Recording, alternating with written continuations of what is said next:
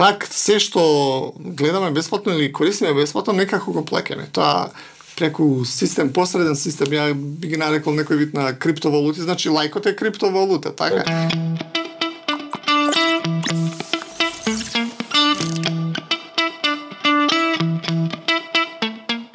Значи не е као да ми е гостин, а нормално дека не ми е гостин кога е автор на на комуникација.нет, кога автор на комуникација.нет и редовно, нели кога има тешка тема, го викаме да зборуваме.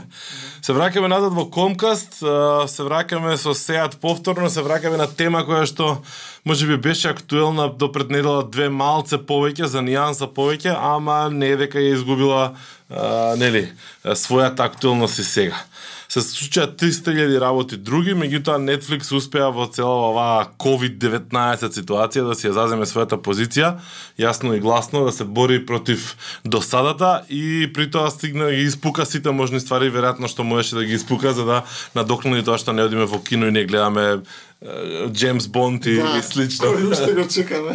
кој уште го чекаме. Значи, social dilemma, the social dilemma. Денеска тема на дискусија ни е таа, почекавме први реакции, почекавме втори реакции, почекавме критични реакции, почекавме Facebook да реагира, Е, сега и ние ќе реагираме. Да, мислам дека не досеме Дарко, затоа што темата вака некако созре и повеќе страни успеа да се изјаснат. Така што мислам дека ова некој вистинско време по бурата од реакции од различни Јас зборувавме пред а, да влеземе во студија дека сега малку Мојата прва реакција беше нака да видам што се можеби не ми се допаѓа, не покритички го гледав документарецот и се обидував да идентификувам некои така промашувања или некои работи кои што не држат до крај, иако има многу секако добри содржани работи. И сега како излегуваат критиките, малку сега критички ги гледам и критичарите и се обидуваме да најдеме некој баланс.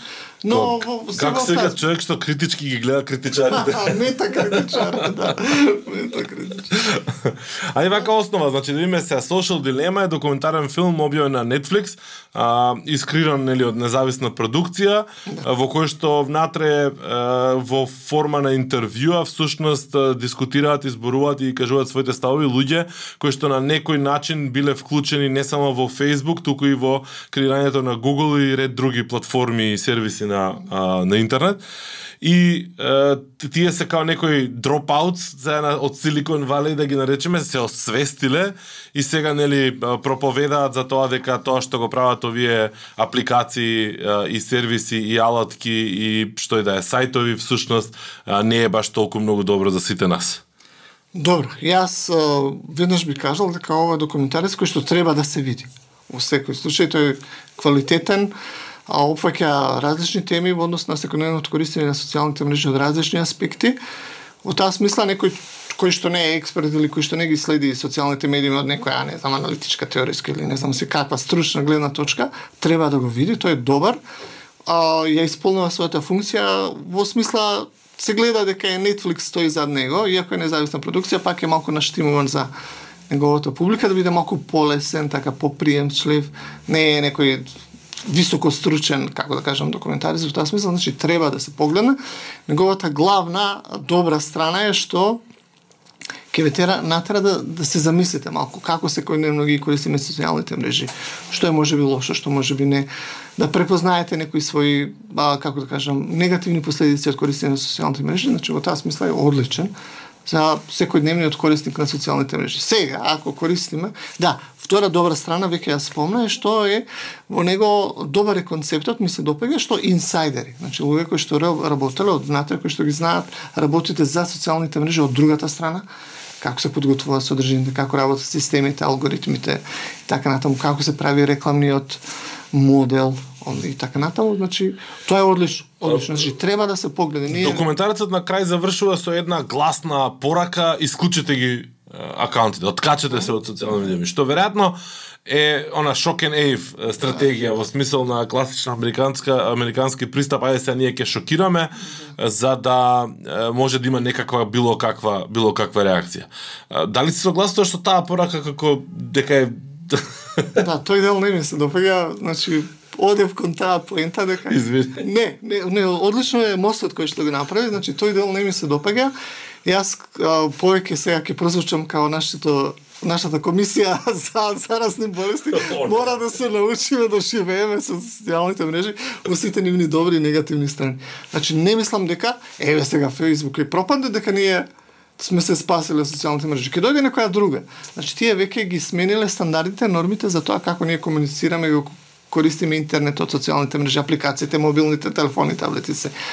Во таа смисла, а, мислам дека претерува документарисот, дека не поларизира и дури утера во некоја технофобија, да се плашиме од технологијата, од овие социјални мрежи, мислам дека тоа не е во ред, не да се исклучиме, туку да научиме подобро, поквалитетно да ги користиме и да се заштитиме. Во тој дел мислам дека е тоа многу подобро стојалиште. Јас а, во многу ситуации а, чувствувам потреба да се навратам на она да, да uh, is using us, ако ти текне првото видео за weird, за social media, за да. и на крај беше дека ние со секоја активност наша ја учиме машината како да ни одговори на нашите потреби. И всушност еден толку убави пораки имаше во The Machine is Using Us тоа видео, да стварно и ден денеска без разлика што се 15 скоро 15 години подоцна, а, ми е со супер релевантно и супер важно затоа што во основа ти кажа дека има две страни приказката. Да. Дека не е само Facebook и дека ти му дозволуваш на Facebook да го направи тоа и на Instagram и на YouTube и на сите други. Значи и приказката е како ние да се наоружаме како како индивидуалци да пристапиме малце посвесно. Нормално дека целта на продавачот е да ни продаде нешто кога ќе влеземе во продавница, ние не паѓаме одма на прва кога некој ќе ни каже ова е најдобриот производ. Да. Значи, веќе сме научиле, сме развиле некакви вештини да критички му настапиме и да почнеме да прашуваме. Токму така. Е, а сега кај социјалните медиуми кога Facebook не вика или YouTube не вика или Google не вика ова вака треба да биде, ние скокаме и го правиме тоа. Што мислам дека не го ни правиме така, пак да. секој индивидуално на различен начин се обидува да а, си го тоа наштиме како што него му одговара, ама нели црно-бело сликата е дека ние сме безмокни во, во, во оваа ситуација. Да така некако и завршува документарецот со поента дека се што ние ставаме на социјалните мрежи, се што внесуваме како податоци или а, материјали на нив, дека а, се се снима, се архивира и така натаму и што ако тоа заврши во погрешни раце. Значи дава еден вид, не знам како, значи дополнителна димензија на страф од социјалните мрежи, што навистина не ми се допада.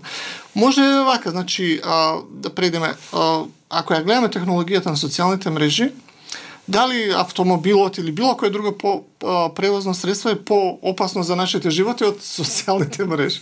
Значи, Обе ручки. да, значи колку луѓе се повредени, загинуваат за жал користејќи автомобил, но никој не, не му текнува на памет да, да ги укине автомобилите, авионите или не знам други.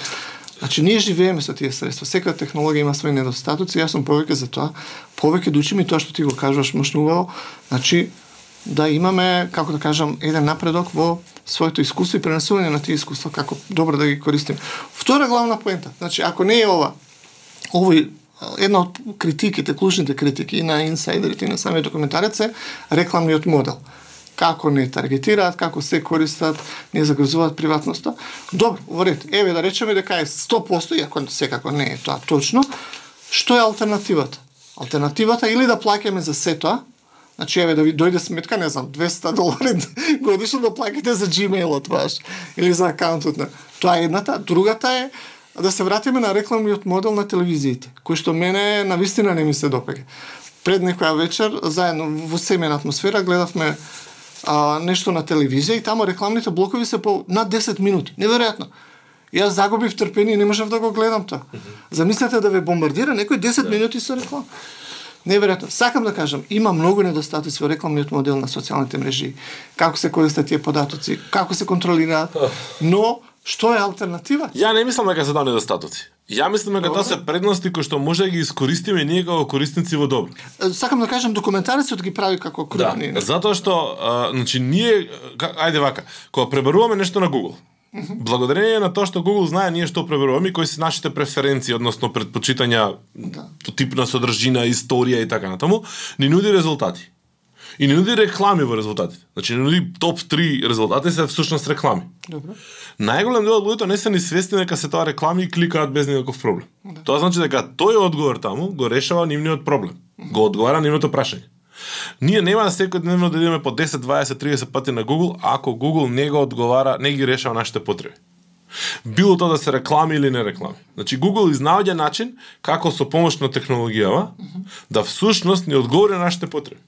Значи да, крипи е, морничаво е кога ќе сватите дека ако вие сте сурфале на една страница, одма ви се појавува реклама. Ако сте спомнале па имат, нели, ми мислим дека не слушаат телефоните па не се појавува реклама. Да, е малце морничаво, затоа што нели не сакаме по се живо и диво кај што ќе ние оставиме трага да после тоа ни се врати назад, односно тоа ти е као да не сакаш да знаеш што си јадел вчера, што знаеш дека ќе може да ти го понудат во продавница исто да го купиш као да сакаш да заборавиш дека лани си бил на одмор во Турција и не си поминал добро, а, а, и не сакаш никој да ти рекламира повторно Турција, пошто ти имаш лоши спомени од тоа. И сега, ние се соочуваме со едно такво сценарио во кое што а, во најголем дел од ситуациите Facebook и Google ни прикажуваат реклами за нешто што стварно е поврзано со нас.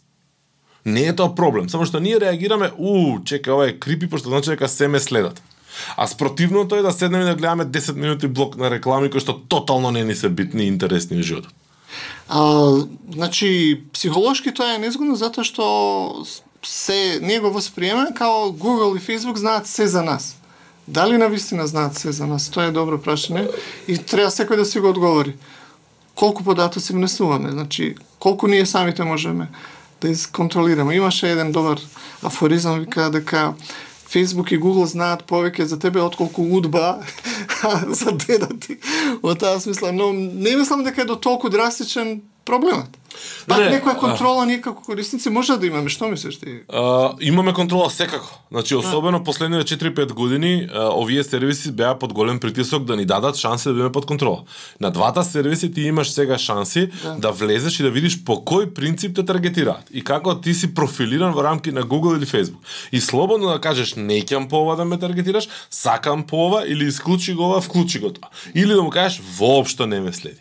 Значи, приказката е што овие сервиси не им одговара овој модел и нормално ти ги закопаат некаде далеку и нема баш така јавно да ти ги промовираат овие работи, меѓутоа во било кој случај тоа е моментот на едукација. Значи, тоа е моментот на а, надградување на себе си, каде што сега мора преку драматични документарни филмови и да крајот на светот нели да го најавуваме за да можеме ние да научиме дека имаме контрола, да видиме што се чува Google за нас и како не профилира Google по, по некој глуби работи. Значи, јас сум чепкал и кај Facebook и кај Google да видам како ме профилира. И стварно има некои работи што врска нема. Е, еднаш сум улетал појма на страница за пинг-понг и се он чува таму дека јас сакам пинг-понг, што нема врска да рече. И го видов ја тоа го кликнав, не неќам да ме да ме да ме следиш по пример. Така да на начинот на кој што ние се ги уредуваме сами како да не изгледа дзидот на Facebook или на YouTube или на а, не знам Instagram врз основа на тоа што кажу, што кажуваме да ми видео добиваме нотификација, на што се претплаќаме, што имаме see first и така натаму, всушност ние си го учиме алгоритмот да работи за нас. На истиот тој начин ние може да го научиме алгоритмот да работи и за рекламите што ни ги покажува, ако веќе да толку сакаме. Добро, во голем дел се согласувам со тоа дека а, можеме да се го контролираме својот, како да кажам, дигитален впечаток на социјалните мрежи, но треба поголема поголема едукација, да речеме, или искуство, развивање, човек да биде заинтересиран да ги прочепка тие работи. Значи да не остави на некоја инерција на секојдневно користен. Кои се, ми кажа дека, нели, се договоривме и ги следевме критичарите на, на документарецот. Кои се главните точки во кои што критичарите го напаѓаат документарецот? Зошто не чини? Токму една од овие не случајно ја зачнавме темата со рекламниот модел. Uh -huh. Значи дека не е тоа баш така едноставно и дека не е тоа баш така диаболично и дека ние сме жртви каде што а, тие знаат се за нас и дека сме значи како да кажам под милост и немилост на Facebook, Google, YouTube. А, така. Facebook официјално реагираше минатата недела до да речеме јавноста со наслов What the Social Dilemma Gets Wrong.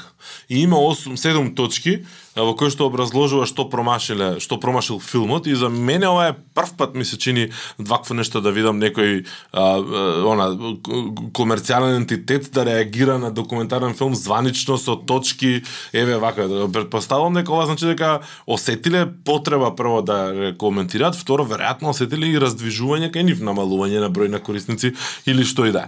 И токму втората точка вика you are not the product, Facebook is funded by advertising uh, so that it remains free for people. И сега има објаснување, Да, токму ова што го дискутираме. Значи, за да биде спектакуларно и популарно, и јас сум го користел и го користам и ќе го користам. Ако не плаќате за производот, тоа што ти си производ, ама телевизијата ги продава нашите нашето внимание исто како што го продава и Facebook. Која е разликата таму? Да. Пак се што гледаме бесплатно или користиме бесплатно, некако го плакеме. Тоа преку систем, посреден систем, ја би ги нарекол некој вид на криптовалути, значи лајкот е криптовалута, така? Или преглед, или шерот е криптовалута. Тоа се конвертира по тоа. А да, е нашето внимание, или борба за нашето да внимание. Под, Така. под системи, така натаму. Значи, мора да знаеме дека се што е бесплатно на некој начин ние практично даваме дел од своите податоци или од барем од своето внимание, своето време кое што го поминуваме, ти успеа да го конвертираат во во овој случај во реклами. А втората точка на критика, ако се согласуваш да преминеме Да, да, слободно. на тоа е развивање на зависност. Значи, добар дел од документарецот се однесува на тоа како Facebook не случајно а, ги развива своите услуги а, по пат на развивање на зависност, и дека тоа не е случајност, туку нивна стратегија. И тука малку се диаболизираат mm -hmm. тие онлайн giants или онлайн гиганти, дека ете се наметнува впечатокот иако нема детали дека тимови на психолози работа, тоа го испитуваат а, се дава детали како тие хормонални механизми функционира, значи допаминот како се лачи, како тоа не привлекува да поминуваме што повеќе време или адреналинот и така натаму. Што може да ги заплаши гледачите а, во таа смисла дека ете дури на такво бихевиористичко ниво а, ти развива зависност. А, повторно тука треба да се земе сето тоа со резерва, значи човекот не е оставен без контрола, постои еден вид ако вие се впуштите во таква инерција дека може да речеме да се развива во зависност, но не е тоа некоја слепа улица од која што нема враќање. Дека дури независноста не е толку безнадежна, дека на вистина а, тоа го има и во самата реакција на а, Facebook, можеш нешто да дополниш? Да. Не, јас само само кажам дека Facebook не е уникатен и не е нај да речеме напреден во оваа приказка. Значи, она а, фамозниот YouTube Rabbit Hole Да. а, е далеку пред Facebook, она као замка сама за себе, а, која што те носи нели следно, следно, следно, следно видео, на крај после 3 сати сваќаш дека ти гледаш нешто што тотално нема врска со тоа што си почнал да почнал да гледаш, а при тоа си издел 10 видеа за ревју на кабли, да речеме. Мислам некој таква таква безсмислена работа. А, TikTok сега е ултра актуелен со For You неговата страница и како не нели не не држи внатре и ни од, добива внимание и така натаму. Меѓутоа, а, Facebook во својот аргумент на на оваа точка за кој што мислам дека да Мојот став е дека на таа страна, дека ангажираат луѓе и работат на тоа да ти го привлечат и задржат вниманието и развиваат механизми како тоа да го направат. Значи, тука сум согласен.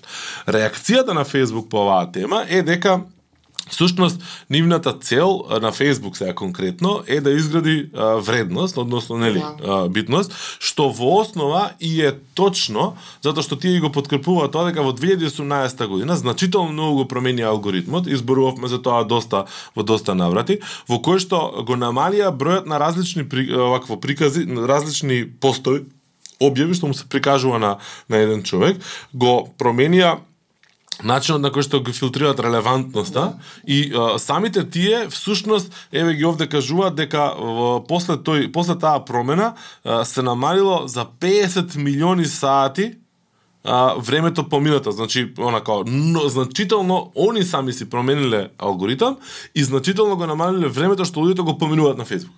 Затоа што всушност решија дека ќе одиме да изградиме квалитет а не да изградиме квантитет. Тоа се случува од 2018 година.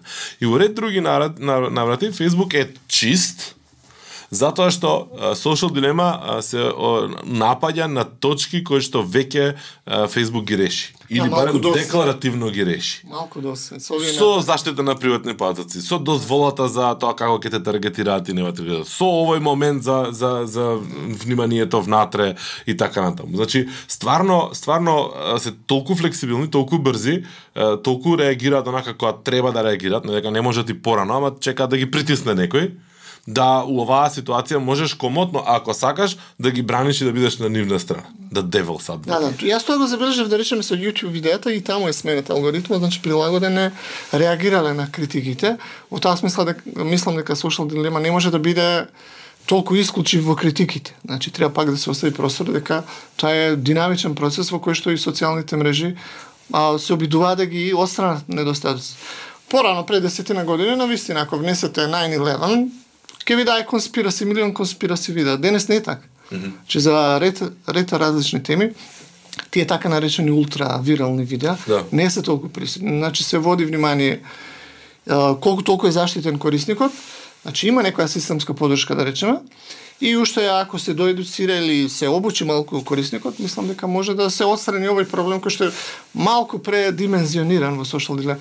Мене а, конечниот впечаток од тие критики ми беше дека многу се поларизира нашиот однос кон социјалните мрежи. Дека ние сега треба тоа да го сватиме баш во, како дека тие ни се непријатели, дека тоа дел оној дигитален паноптикон. Сега не гледаат, цело време никој не гледа, Big Brother, нели?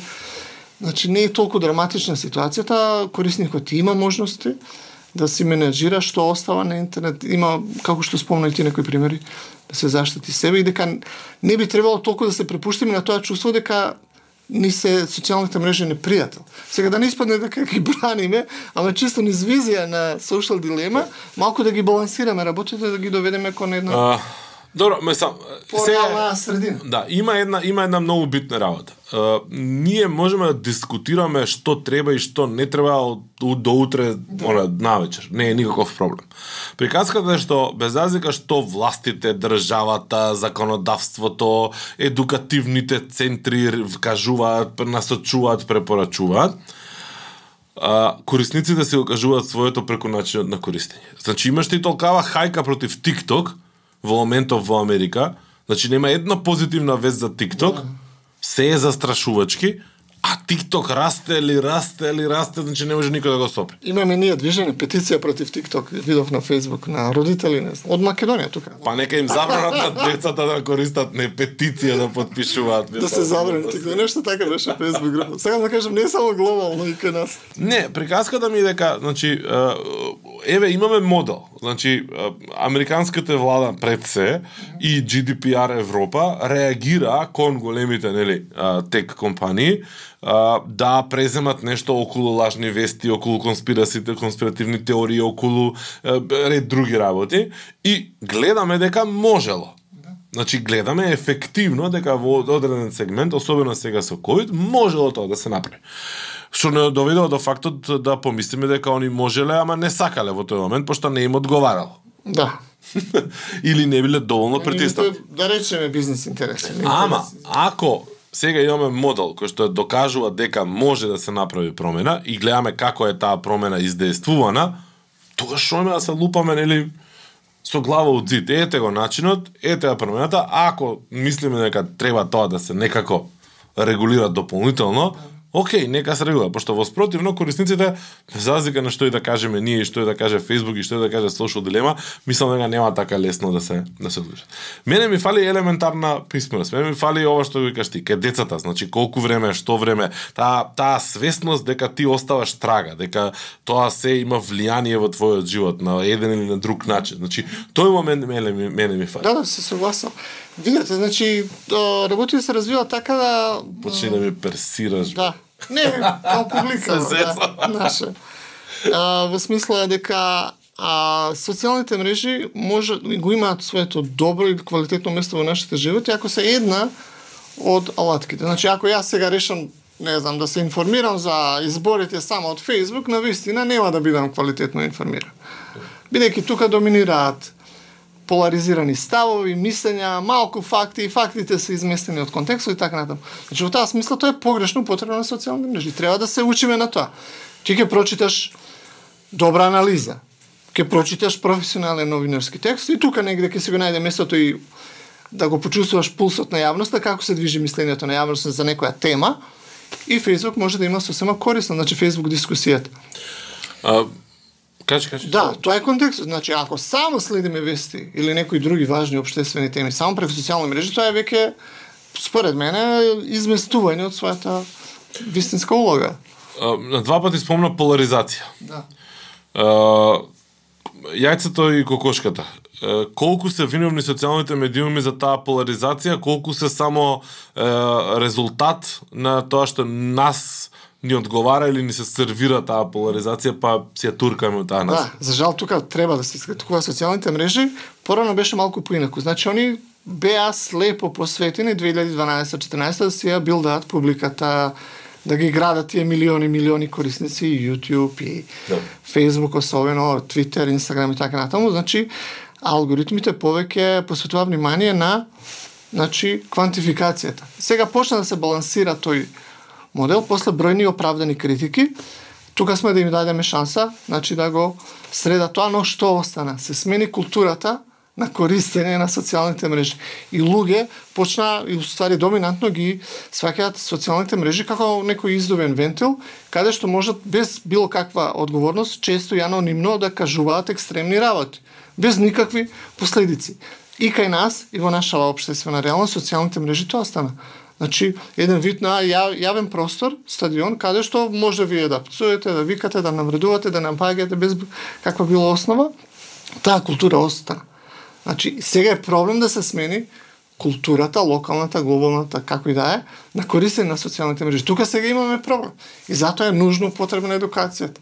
Не е само обуки ваму таму, туку низ некој редовен процес. Најдобро образование има сега. Тоа да се Е, смени? онлайн образование. Тоа не знам. Не знам, тоа нека моја мисла тоа вие што се усобраени и такви некои комисии. Која тема не ја чепнавме, а сакавме да ја чепнеме? Па не знам, еве ти вака, малку се наметна со Па не, зборувам од, од, од критиките и слично. критиките, значи, да. да. да. а, зависност, Тоа го зборевме. рекламниот модел, Добро тоа као диаболичниот аспект сега, што ако сите овие податоци некој реши да ги злоупотреба и како да се заштити? Тука има доза, добра доза на како тие ги штитат нашите податоци. Јас, мислам, ги следам тие работи од некоја стручно-истражувачка гледна точка, доста се шкрти. Иако се чувства дека работат на тоа, дека на вистина ги штитат податоците на своите.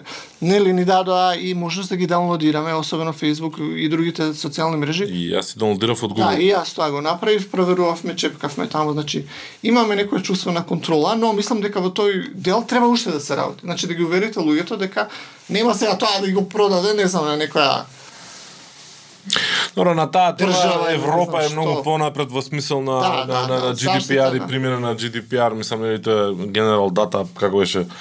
Protection. protection, бла, бла, бла. А, rights? regulation Или regulation, како? Regulation, Regulation. да. Добро. А, но знаеме дека во Америка има доста трговци со податоци и доста фирми всушност живеат и работат благодарение на продавање на податоци кои што после тоа се користат за разноразни други таргетирања.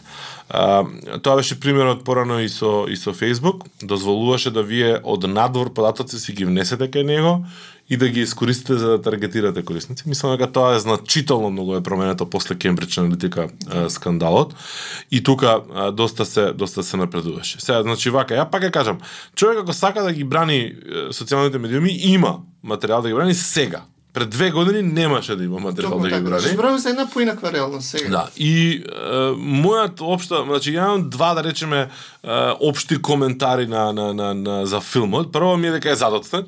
Значи дека е онака како so last season пристапот, она сеење страф и слично, кога она Delete Facebook беше пред две години Да. и кусур актуелно, а сега ти филмот е завршува. И второ, а, мене ми се малце, не можам да основано многу да ги критикувам, меѓутоа тажни луѓето што коментираат. таа. Сега од една страна он е као гениалецот што го осмислил тој сектор или дел на сервисот и е, као свака час ти си познат по тоа, И одеднаш ти сваќаш дека а, за, а, на крајната цел на сервисот била друга и се освестуваш и сега не знам сега ќе проповедаш Јеховини сведоци чуда време. Мене малку тоа ми е чудно, има она нели као кога се судат, има еден вид на аргумент кој што адвокатите на бранителите го кажуваат, тоа е disgruntled employee, некој кој што огорчен, бивш, вработен. Сега не се каже, не, не ги знаеме. Јас не велам дека тоа случај сега, Да. ама не ги знаеме нивните стори, зошто излегле, кога излегле, како излегле. Значи треба малку со доза и на резерва да ги гледаме нивните сведоштва.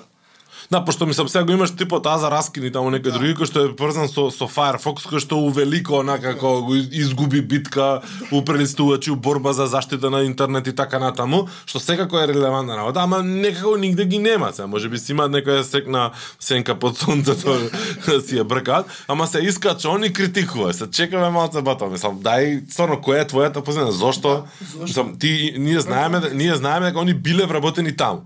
А зошто не се? И каде се сега? И колку се битни? И колку да, се може би отишол конкуренција. Да, да. Или некој друг вид. Тоа треба да се обрне внимание, малку е поширок. А дали сакаш што нешто да додадеш на овој дел? Не, не, не. Јас прави веќе следен дел кој што Ајде. го нема во документарецот, а според мене е многу важен. Ајде. Значи, social дилема не зборува како социјалните мрежи ги изместуваат традиционалните или другите медиуми, електронски какви да се, од професионалното новинарско работење. Mm -hmm. Тоа многу ми недостасува. Значи сега ни а, тие придонесуваат кон тоа да се изгуби директната врска помеѓу корисникот, гледачот, посетителот на веб страницата и медиумот. Сега а, некој медиум за да пробие некоја сторија мора да му плати на Facebook, така, за да тоа биде спонзор. Често гледам такви. Да. И од, од, оделите за односи со јавност, пиарс, Да. оделите на институции, на компании така натаму. Значи, тука е една крупна тема која што е прескокната. Не знам дали се согласуваш. А, прескокната е Или зошто е прескокната? Да. Па не знам, ја мислам дека фокусот е на крајниот корисник. Крајниот Да, корисник не на крај него интересира, знаеш, Да, како стига информацијата до него. Facebook си поставил правила на игра и тоа е тоа. Едноставно, не, нема органски досек, мора да си платиш и, и чао пријатно. Меѓутоа, токму затоа мислам дека се во подем а, предплатнички модели, било тоа да се нели платени или подкасти или ньюзлетери и така натаму. Значи, имаме сериозен подем на на на, на да, и подкаст културата повторно да речеме и а, она subscription моделите и а, еден куп други други начини. Сега и YouTube има 17 различни варијанти како може да го поддржите самиот креатор на содржина, па ги имаме тука Patreon како опција која што го користат многу од а, креаторите на содржина како заобиколен заобиколен канал кај што може да заработат пари. Така да дури и самите креатори на содржина бегаат од моделот на заработка од реклами и а, се обидуваат да најдат начин директно да да заработат, односно да наплатат кај своите корисници. Верувам а, делумно а, нели а, под мотивација дека сакаат прво да ги заштитат корисниците, второ да не ги малтретираат корисниците, треба да имаат контрола комплетна на тоа што се случува и како се случува. Четврто, не ќе да го богатат Facebook и YouTube и, и Google, а, затоа што они зимаат еден мал дел, а ја креираат целата содржина. Мада сега тука е дискутабилно пошто овие им ја дават платформата и публиката и функционалностите и се, ама има сериозен шифт, сериозна промена во и во тој сегмент, да знаеш.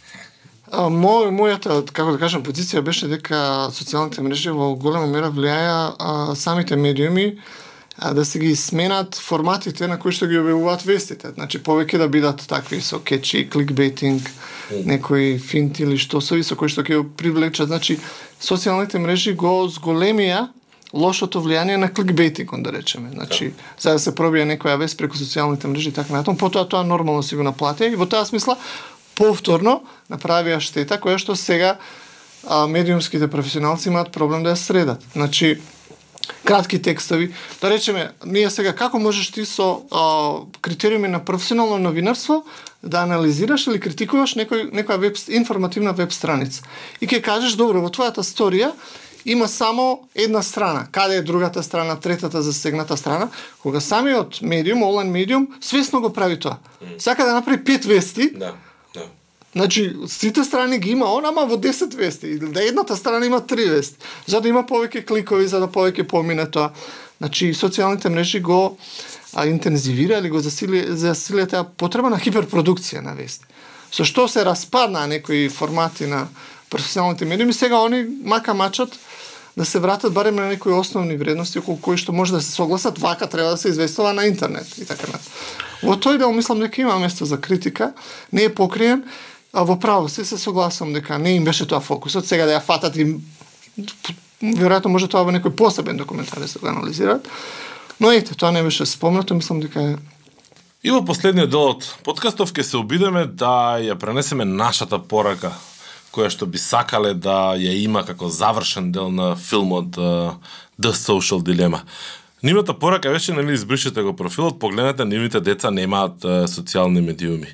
Немаат присуство на социјалните медиуми, не ги користат социјалните медиуми. Ако они не им дозволуваат на своите деца да ги користат, тогаш зошто вие би им дозволили на вашите? Па ја не би им дозволил на моите деца секако исто така, без разлика дали Марк Зукерберг и други би им дозволуваат или не, ама на 9 години, на, на, на, на 3 години, на 5 години, стварно не би им дозволил. и верувам дека поголеми да луѓето во светов не им дозволат, особено во, да речеме, поразвиените општества. А, ако не е нашата порака, избришете ги а, своите акаунти на социјалните медиуми. Која би била нашата порака? Нешто малку изашнав во муабетите кои што ги имавме, тоа е балансирањето. Значи, не, не користете само социјални мрежи за одредени работи. Значи, не е Инстаграм единственото место каде што вие можете да се дружите или да следите некого. Не е Фейсбук само единствено место каде што ќе видите што се случува на политичката сцена или не знам, кој да е друга платформа. Значи, рамнотежат а, социјалните мрежи имаат свое корисно место ако тоа добро го искомбинирате со други извори. Квалитетни професионални извори на информации, аналитички содржини, дали е тоа статија, дали е некој документарец, дали е некој интервју и така натаму. Значи во таа смисла, мислам дека е нереално, дури и утопистички, ние сега да правиме некои акции, избришете си ги Facebook профилите или не знам Instagram профилите или што и да. Балансот а, Потоа едукацијата, личната едукација, тоа не мора ништо да биде формално, додека барем не знам некој не се свести тоа да го внесе во некое нормално образо, образование во образовниот процес, сами да се едуцира. Значи да видиме тоа што а, ни пречи, тоа што не знам ни го а, осиромашуваат секојдневното искуство во однос на и на дружењето и во однос на следењето на најважните настани, полека да се ги острануваме тие работи. Мислам дека тоа е најважното ќе се вратам повторно на на Максима да научиме здраво да живееме и со социјалните мрежи, со еден вид на подобрување на своите способности кога ги користиме, со еден вид на комбинирање на различни извори на содржини и со еден вид на задржување на таа критичка свест. Се што примаме, а, да не веруваме слепо и да не се впуштаме во некоја инерција на површно користење. Добро. А, Твојата порака би мојата порака би била многу, да речеме, ова што го кажа исто, ама ќе се одам да го поедноставам. Значи, мојата порака, некаде во август објавив еден статус и реков дека ќе го повторувам најмалку еднаш неделно е. Основниот проблем на луѓето во, во, во да речеме, нашето општество и пошироко е што не пребаруваат и не кликаат. Да. А, и тоа е да речеме мојата порака. Значи пребарувајте и кликајте. А, барајте да да најдете зошто е ова вака. Значи поставувајте прашање зошто е ова вака, како функционира, како функционира. Значи сите ние сме воодушевени кои гледаме ние емисии на Discovery how it's made, how they do it и слично, а никој не се интересира да разбере тоа, да, да, нели, работите што секојдневно ги правиме како всушност стигаат до нас, зошто стигаат до нас и така. Значи не треба да бидете вие убер паметни за е, едноставно да направите е, три клика на место еден. Е, почна да ме да ме бомбардираат реклами на на на интернет за наочери од компании кои што продаваат технологија. Ми беше многу чудно. Што направив? Отидов да ги сурфам, потрчив вкупно 15 минути да видам кој е брендот, да видам во светот што се зборува за брендот или за брендовите, пошто има повеќе различни, и да видам која е нивната а, продажна а, порака. Значи, пошто тие се разликуваат, пошто одеднаш се имаме тотално нестандарден тип на продавница, ти продан тотално неочекуван производ. И сваќате дека таму некој си блу, сини зраци, некој као бла бла бла заштитувале од компјутерски уреди и не знам што, од екрани. И три преварувања на интернет ти треба за да стигнеш до некакви, барем ако ништо друго, различни ставови по ова прашање. Значи, мене ми треба вкупно 15 минути, за да малку од малку ми се различнат да работите и знам како да пристапам на темата. Не да донесам одлука, далеко тоа дали да, да донесам него зо, да, да сватам зошто сега ваков тип на компании продаваат ваков производ, колку овој производ е само мода, колку е реално а, му држи му држи вода местото. Значи 15 минути се обраши. Значи, пак е потребно. Мојата порака е кликајте луѓе, значи кликајте, ништо повеќе. Доволно е. Да. И а, втората втората работа е пробајте недела дена без социјални медиуми. Ќе сватите дека апсолутно ништо различно нема да ви се случи во живот. значи ништо нема да ви недостасува, ништо нема да бидете неинформирани за работи за кои што сакате да значи како да кажам, не сум го правил Сме го толку правиле често, тоа ама и знаеме, го знаеме чувството. На вистина се живее сосема. Значи, не викам ја да го избришете. Напротив, никогаш нема да го кажам тоа. Не дека ми е гале, кој некој ќе избрише, ја му кажувам честито свака час, пошто тоа е стварно успех. Меѓутоа, моментот е да дека ние, цигари. да, ние мислиме дека е, не може дека не можеме без нив. Пробајте, чисто за да стватите дека можете и самиот тој факт ќе ве стави во позиција да бидете многу по индиферентен и помалку в- она како да кажам за зацапани во Во таа смисла многу добро. Пробате да тестирате, дали да паузирате, дали да абстинирате, за да се задржите слободата на изборот. Можам, но не морам. Сакам Да. кога сакам, Да. колку сакам. Е, јас на времето дискутирав со, со тоа да ме кажа, а ти си нонстоп, викам, ја можам да бидам без интернет, без телефон, Не, не, не без ништо. И... Може би затоа што ние сме генерација која што да речеме телевизиска генерација. Па не знам, види, не ми, не ми треба за помладиве, работа, ме то- свакаш, да, значи. Не знам дали не- за помладиве е потешко тоа да го направат. Па не. Треба да не, проба. Не, види, значи ќе ти кажам од мое лично искуство не е потешко, пошто само треба да има нешто што му е доволно интересно. Да, да, да. Што ќе му е така. Значи нешто треба да му се случува. да. Проблемот е што динамиката со која што сега му се случуваат работите на екран е ненормално голема Да. и му треба значително многу повеќе различни активности за да За не да- биде да. екран, а да може да му го задоволи. да. а, За нели? да достигне тоа ниво, А, да. Не може да го достигне, ама Барем близко. да биде близко. Иначе, мислам, како да ти кажам, пушти дете на село, у, у бавча и, и, и, и у вода, значи ти нема ти побра телефон воопшто. Да, да. Се согласам за тоа. Сега, значи му текне вечер у 9 сат, како да ти Да, кажам. да. Така да, Добро, тоа е тоа. Можеме тука да заклучиме. Сега фала ти што еднаш да беше официјален камбек на Comcast во некоја следна итерација, не знам која Да. поред ова веќе ќе биде.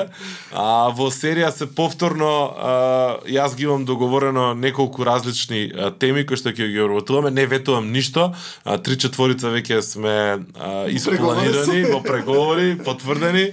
А, како и да е, ветувам Жими, Жими све најмило, а, Жими Кршти Честит Кандило, пионерски да, да, Титов пионерски збор, а, дека Комкаст а, нема да биде инцидент а, од сега понатаму во оваа зимска COVID-19 сезона.